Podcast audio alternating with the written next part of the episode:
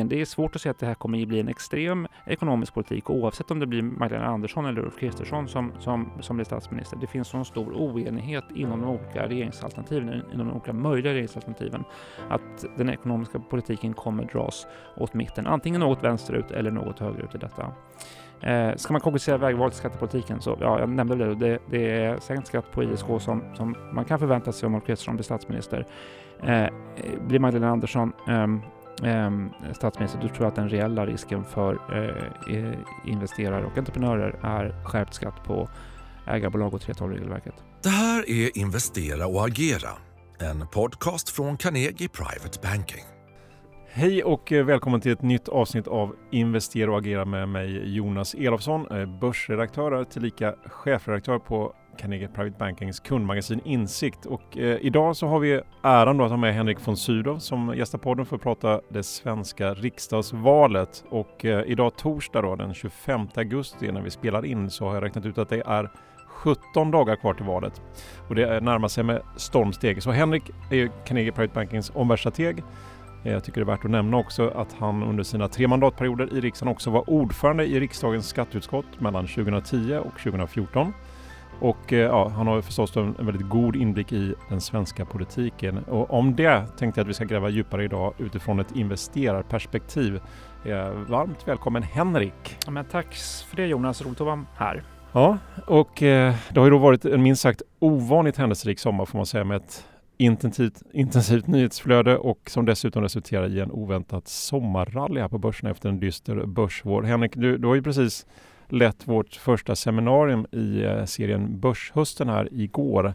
Med, alltså ett digitalt seminarium med makroutsikter och om vi börjar med att zooma ut lite grann och addera omvärldshändelser till marknadsutsikterna för hösten. Vad, vad är din vy då? Det är uppenbart en eh, besvärlig makromiljö just nu. Eh, vi pratade också på seminariet om att vi spår en mer slagig utveckling på de finansiella marknaderna under hösten. Eh, delvis då mot bakgrund av att det är fallande tillväxt globalt, men inte minst i Europa. Det är en miljö med fortsatt hög inflation, om än inte stigande överallt. Eh, och du har ju inte minst den här komponenten då med twin tightening, alltså både du har en ny penningpolitisk regim där centralbanken då både höjer räntan rätt aggressivt när ekonomin då går sämre, samtidigt som du också gör ett omslag. Du går från eh, QE, kvantitativ easing, till QT eh, och minskar då likviditetsstödet. Så det är eh, en, en besvärlig makromiljö. Till det så har du också då de här Eh, Eh, ja, framförallt två stycken geopolitiska hotspot. Uppenbart Ukraina med kopplingen till energimarknaden. Energimarknaden har blivit ett mm, tydligt vapen i, i, i, konflikten och dessutom förstås då Taiwan som ju eh, också är eh, ökade spänningar med kopplingar till den globala ekonomin. Bara nämna, långt svar, men det är ju ett par valhändelser också i höst. 5 september, Storbritannien utser en ny premiärminister. 25 september, val i Italien. Draghi ska få en efterträdare. Mycket står på spel där. Eh, och dessutom då, eh, kanske ännu mer på spel, 8 november, kongressval i USA. Svenska valet är ju en lite mindre pusselbit kanske då om man jämför med de globala aspekterna. Eh, men samtidigt är det ett land som ansöker till NATO. Eh, formativ valhändelse på flera, på flera sätt. Sammantaget då så har du, om du ber mig om utsikten, så, så har du ju flera händelser runt omkring oss, globala hotspot plus de här valhändelserna, det kommer sammantaget bidra till, till mer politisk volatilitet och det kommer återspeglas av mer volatilitet i portföljerna. Ja, tack för det. Många komponenter där. Men jag tänkte om vi då kokar ner lite grann och koncentrerar oss på den så att säga, svenska valhändelsen. Här. Vilka frågor får du eller vilka är vanliga utifrån investerarperspektiv? Det kan vara väldigt specifika, men egentligen så kretsar det kring tre stycken olika frågeställningar. För det första då, inför just valhändelser så, så finns det ett intresse, vilka kommer bli de nya beslutsfattarna? Eh, vilka formar regeringen? Vilka, vilka, vilka, kommer fatta besluten? Den andra frågan är förstås då, vilka beslut kommer de att fatta? Vad, vad blir det för ny policy som kommer ut efter en valhändelse? Och det tredje då, eh, som det kanske är det allra största intresset kring, det är hur reagerar eh, investerare och de finansiella marknaderna på de besluten? Så att det, det, det är egentligen varianter på dem. Eller de, de frågorna tycker jag är ändå återkommande om man bortser från de mer specifika. Eh, det är klart att en vanlig fråga från privata investerare, det är ofta hur skattesituationen i eh, landet de verkar kommer att förändras. Och då kan det vara fokus på skatter som, som, som kapitalskatten och företagsbeskattningen förstås. Henrik, du, du skriver i vår tidningen Insikt före sommaren här om ett historiskt öppet läge inför valet och tre osäkerhetsfaktorer. Vilka är de? För det första att det nu är ett utjämnat opinionsläge. Det här är ett val som kan bli jämnt. Det kan bli riktigt jämnt. Vi kan ha ett valresultat som då ligger inom felmarginalen. Att man får räkna röster under måndagen och tisdagen och kanske till och med onsdagen efter valet. Eh, till det här hör också 4 spärren. Det är ju fortfarande två partier, tre partier ibland, ibland fyra partier som är rätt nära det där. Även om det finns en utjämningseffekt med, med just valrörelser. Men, men det jämna opinionsläget är uppenbart än. Den andra frågan är att det är väldigt osorterade samarbetsfrågor, alltså vilka partier ska samarbeta med varandra? Hur ser, hur kommer regeringsunderlagen att formeras? Den är Eh, fortfarande olöst, vilket gör att vi har så att säga partier som aldrig eh, ska, som ska, ska bilda eh, regeringar och stödja regeringar tillsammans, men som aldrig tidigare har förhandlat med varandra. Nya konstellationer i det där. Det, det är en ytterligare en osäkerhetsfaktor då. Den tredje osäkerhetsfaktorn, det är just när man då kommer in på förhandlingarna. De är eh, oförberedda. Det är rätt oförberedda förhandlingar. Det Eh, Eh, är också en valrörelse som tydligt då handlar om mycket öppna mandat och det är konturlösa förslag. Det gör det rätt svårt, de här sakerna tillsammans då, att det är svårt att bedöma det som, ja, både vem som ska vinna förstås och vem som blir statsminister, men ännu mer, vad kommer faktiskt komma ut? Vad är output från, från de olika eh, regeringsalternativen eh, eh i år? Eh, till det får jag lämna en sak också, då, ytterligare en, en, en omständighet. Och att det kommer då efter valnatten vara en enorm så att säga, liksom, tidspress på eh, powerplayet, på maktspelet. Det är ju nästan en andra valrörelse som öppnar från eh, från det att vallokalerna stänger 11 september. Det, den, just den här perioden 11 september fram till 26 september, då riksdagen öppnar, då ska man alltså förhandla ja, både samarbetsformer i en ny konstellation, vilka partier som ska ingå i en regering. Du ska eh, förhandla en ny regeringsförklaring. Du ska absolut påbörja förhandlingar om en ny budget förstås. Ehm, det där eh, är en väldig prispress, eh, tidspress på detta. Ehm, speciellt också då 26 september, val av talman. Sen ska man förhandla ordföranden i finansutskottet, ordförande i de mäktiga utskotten det där kan ju spela roll med tanke på vilka, vilka partier som sitter med i regeringen. Kommer Eh, eh, kommer, kommer det ges poster eh, som ny ordförande i riksdagens finansutskott till Vänsterpartiet eller till Sverigedemokraterna? Så att det, är, det är så många frågor som på kort tid ska, ska förhandlas. Tillsammans med de här tre osäkerhetsfaktorerna så är det ett väldigt öppet läge. Vi, vi, om vi då kanske går ner lite mer konkret så är det mycket om höga priser i butikerna och alla talar om förstås om de väldigt höga och historiskt rekordhöga elpriserna och samtidigt så är det då valrörelser, det är valfeber, det är mycket valfläsk som sig bör. Alltså hur, hur inflationsdrivande blir finanspolitiken efter valet? Du, om du söker ett namn på valrörelsen så kan du prata om det som en kompensationsvalrörelse. Eh, eh, jag tyckte du beskrev det väl just nu att jag tror att många politiker känner att eh, hushållen upplever sig eh, pressade. Eh, du får nu eh, i dagarna eh, krediträkningen från sommarens utgifter. Eh, alla pratar eh, elavtal inför hösten och du ser högre priser i matbutiken.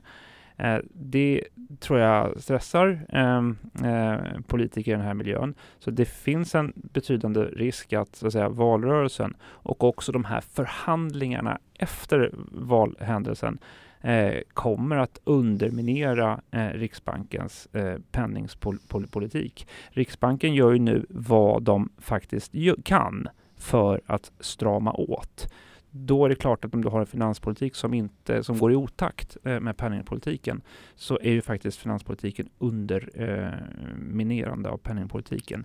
Allt till alla nu, det ger nytt bränsle till, till eh, inflationsbrasan. Och eh, man får också säga att energipolitiken har blivit kanske en av valets viktigaste frågor av eh, naturliga och nämnda skäl. Men man ser inte minst den ekonomiska politiken som diskuteras allt mer utifrån just energipolitiken. Jag tycker även det också ur säkerhetspolitisk synvinkel har blivit eh, väldigt aktuell. Alltså vad, vad, ser du framför dig faktiskt kan hända inom det här området?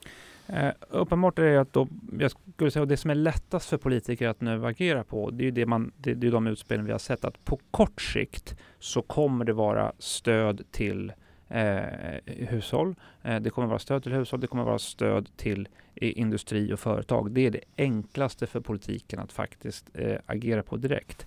På lite längre sikt, eller på medellång sikt, under då eh, den mandatperiod som ska börja, då kommer det nog att handla om en serie med åtgärder. Det är lite svårt att bedöma vad man kan samlas runt omkring, men jag tror man kan utgå från att vi kommer eh, se flera åtgärder för att då ordna en långsiktigt stabil energiförsörjning. Det kliver ju fram som en väldigt akut och angelägen och optiskt synbar, eh, synbara problem för, för, för väljarna. Det kommer nog handla om att då göra, ja, man kan prata om det som stärkta elnät egentligen, alltså en omfattande utbyggnad och förstärkning av el, eh, Eh, elnäten där man då ser över eh, tillståndsprocesser för detta. Mm, intressen som en robust energiförsörjning kan mycket väl komma att eh, trumfa andra intressen. Jag tror att det, det, det kommer också vara eh, andra regeländringar som gör det lättare för, en, för utbyggnad av eh, vindkraftverk, inte minst för, vind, eh, för, för havsbaserade vindkraftsparker, där vi vet att det finns ett intresse från investerare. Sen är det också eh, ja, det är faktiskt bäddat för mer eh, kärnkraft genom mer statligt eh, stöd och också att kärnkraften kan få en ny prissättning eftersom planerbarheten i kärnkraften är en avgörande komponent i en hållbar energimix. Men jag tror att det kommer att vara mycket, flera regelförändringar här.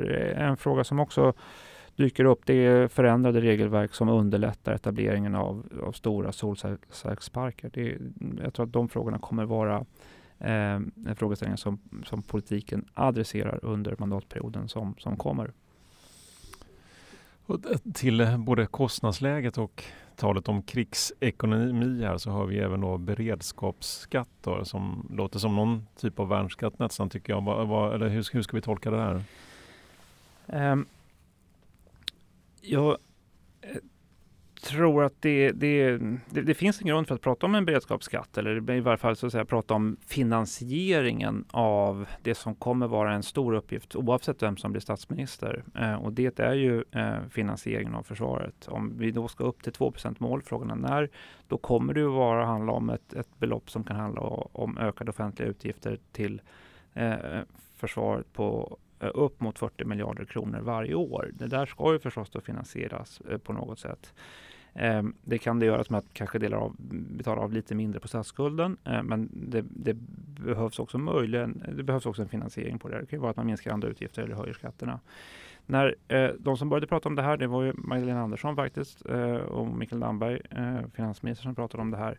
Då, eh, de knyter det väldigt ofta till en eh, eh, fördelningspolitisk aspekt, att det är de eh, rika som ska betala lite mer. Så att jag tror att givet eh, vad Socialdemokraterna under den mandatperiod som vi kommer ifrån har pratat mycket om, så har det ju varit eh, en ny förmögenhetsskatt. Det har varit höjd skatt på investeringssparkonto. Det har varit, man har prövat idéer om arvsskatt och fastighetsskatt. Så, så att det här handlar om eh, en, en, ny eller en skärpt kapitalskatt. Det tror jag man ska vara inställd på. Sen är det en massa andra frågor, vad de kan få igenom och så vidare. Mm.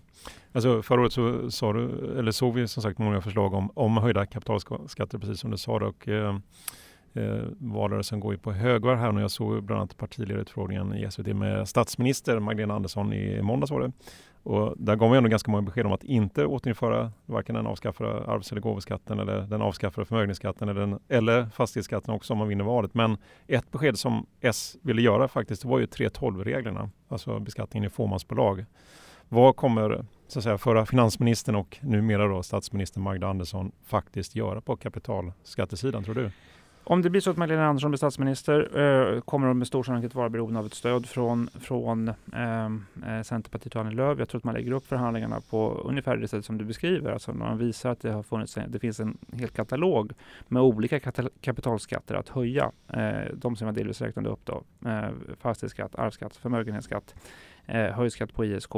Eh, också 3.12 är med i det där. Ehm, och ehm, eh, givet att det är då ett samarbete så eh, förs nog förhandlingar på det sättet att eh, du har hört vad vi har sagt och vad vi har pratat om under under valrörelsen om en beredskapsskatt.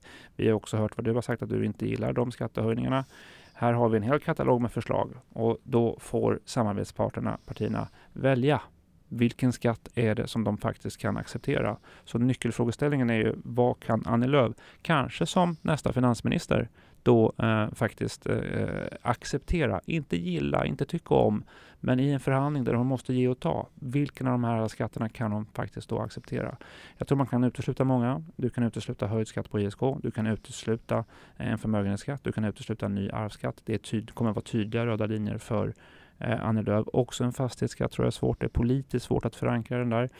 Eh, det hon däremot skulle kunna acceptera, eh, det är eh, skärpta ägarskatter genom det så kallade 3.12-regelverket. Eh, Centerpartiet pratar inte lika mycket företagarfrågor som de gjorde tidigare. Eh, de har eh, inte lika tydlig profil i det där. De har haft en mer profil mot ökade offentliga utgifter. Det gör att det är inte så att de gillar den skatten nu, men det kan vara den som de då eh, accepterar just i detta. Här, på det här fältet är också där det, där det finns faktiskt då mest färdiga och förberedda eh, juridiska förslag på hur, hur den beskattningen kan skärpas. Mm, intressant. Eh, men om vi, det är ju faktiskt så att opinionsläget ser ju faktiskt rätt jämnt ut eh, får nog säga den senaste tiden. Men om vi då växlar perspektivet och om Ulf Kristersson då blir statsminister, vilka skatteförändringar ska investerare förvänta sig då, tror du? Um man ska inte ha för stora eh, förväntningar. Skatte, skattes, det är inte ett skattesänkningsval. Det finns inte ett stort, inget stort tryck på ekonomiska strukturreformer just nu. Eh, det man kan förvänta sig dock, det är en reversering av de höjningar, i varje fall en av dem, eh, som har skett på skatten på, på investeringssparkonto. Så att jag tror att eh, en, en skattelättnad på eh, investeringssparkonto, den är möjlig att genomföra eh, med Ulf Kristersson som, eh, som statsminister. Eh, det kan man göra nästan i den första budgeten. Det är inte så tekniskt svårt. Du, du bara ändrar siffrorna i lagstiftningen. Du behöver inte ta fram något nytt lagförslag. Så det kan man ha eh, med sig som en förväntan. Ehm, eh, jag har svårt att peka på så mycket mer än så. Eh, som sagt, det kommer vara många offentliga utgifter som, som har en prioritet, inte minst i försvaret, inte minst i polisen. Eh, det lovas inga skatte Eh, man skaffar sig inte något mandat vad gäller skattelättningar på toppskatter på inkomster eller andra företagsskatter. Så att jag skulle nog eh, begränsa agendan till att det kan vara lite bättre skatter på sparande genom en reversering av de höjningar vi har sett på investeringssparkontot. Och eh, till sist då, vilka, vilka faktorer tycker vi ska titta på för att ana åt så att säga, vems sida som får bilda regeringar senare i höst, någon gång här efter valet den 11 september? Så som valrörelsen nu mm. spelas ut med, med ett eh, mycket jämnt opinionsläge, tre faktorer då tror jag. Eh, titta på hur det går för Magdalena Andersson. Eh, stödet för Magdalena är viktigt. Det är en nyckel för Socialdemokraternas framgång och för hennes regeringsalternativs framgång. Hennes förtroendesiffror är höga. De vill göra det här till ett statsministerval eller ett presidentval, ett personval kanske då. Eh, så att den faktorn är viktig. Liksom. Hur, hur sköter Magdalena Andersson de, de, de veckorna som nu kvarstår. Då. Den andra frågan är, det är kampen om vem som är näst största parti. Eh, eh, om Sverigedemokraterna tar den positionen, då tror jag att det kan skrämma iväg en del väljare från Moderaterna och Ulf Kristerssons regeringsalternativ. Ehm, eh, det, det, blir en starkare ledarskap på den sidan om Moderaterna eh, ligger före Sverigedemokraterna på opinionsmätningarna. Den tredje frågan, då, det kan ju vara en X-faktor, men man kan väl titta efter en sakfråga eh, som eh, bubblar upp i kraft och en sakfråga som kan skapa det man kan kalla friktion och flöden mellan regeringsalternativen. Ehm, eh, som det kan bli riktiga debatter om i Morgonsoffer och eh, Aktuellt 21 om man uttrycker det lite förenklat. Det, de tre frågorna. Hur går det för Magda? Eh, vilket parti är störst? Och eh, ja, en sakfråga som dyker upp och kan driva flöden just nu. Mm. Så hur skulle du sammanfatta hela läget? Ja, tittar man på, på um, omvärldsläget i allmänhet och lite bredare än Sverige så att ja, titta på kalendern här då, med valhändelser, kanske inte främst i Sverige men också i Italien, eh, USA eh, och också nytt ledarskap i Storbritannien. Det där kan bidra till en viss turbulens i portföljerna. Eh, jag tror att oavsett vem, vilken regering som vinner valet så, så kommer det vara fortsatta omvärldshändelser som sätter agendan. Man kan ha ja, ny regering med samma kriser. Alltså det är eh, väldigt stora uppgifter att ta Sverige in i NATO att eh, finansiera försvarsutbyggnaden och eh, eh, stärka den inre säkerheten. Det kommer att vara viktigt oavsett eh, vilket regeringsalternativ som vinner.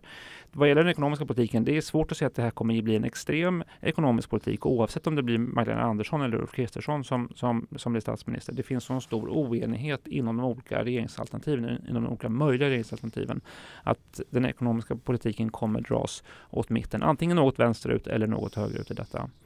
Eh, ska man kompensera vägvalet i skattepolitiken så, ja, jag nämnde det, det, det är sänkt skatt på ISK som, som man kan förvänta sig om Ulf Kristersson blir statsminister. Eh, blir Magdalena Andersson eh, statsminister, då tror jag att den reella risken för eh, investerare och entreprenörer är skärpt skatt på ägarbolag och 3.12-regelverket. Tack Henrik för den uppdateringen. Du följer ju omvärldshändelser som påverkar investeringslandskapet och eh, finns ju till hands för uppdateringar till privata investerare och du gör då ofta återkommande med Teams-uppdateringar och eh, det finns då säkert anledning att återkomma i ämnet när Sverige har ett valresultat här senare i, i september. Så stort tack för det. Tack så mycket. Jag vill även passa på att nämna att eh, Carnegie Private Bankings seminarieserie Börshösten 2022 är i full gång och här bjuder vi då in våra strateger och eh, våra aktieanalytiker vid fem olika tillfällen för att prata då utsikter och de bästa investeringscasen som vi ser just nu. Och du som är kund kan ju följa de här seminarierna live och ställa frågor alternativt ta del av hela sändningen i efterhand och det gör man då lämpligast och enklast i Carnegie online. Tack för att du har lyssnat! Du vet väl att den här podden finns på både Spotify och iTunes? Om du tyckte det här avsnittet var bra får du gärna ge oss ett betyg eller rekommendera podden vidare.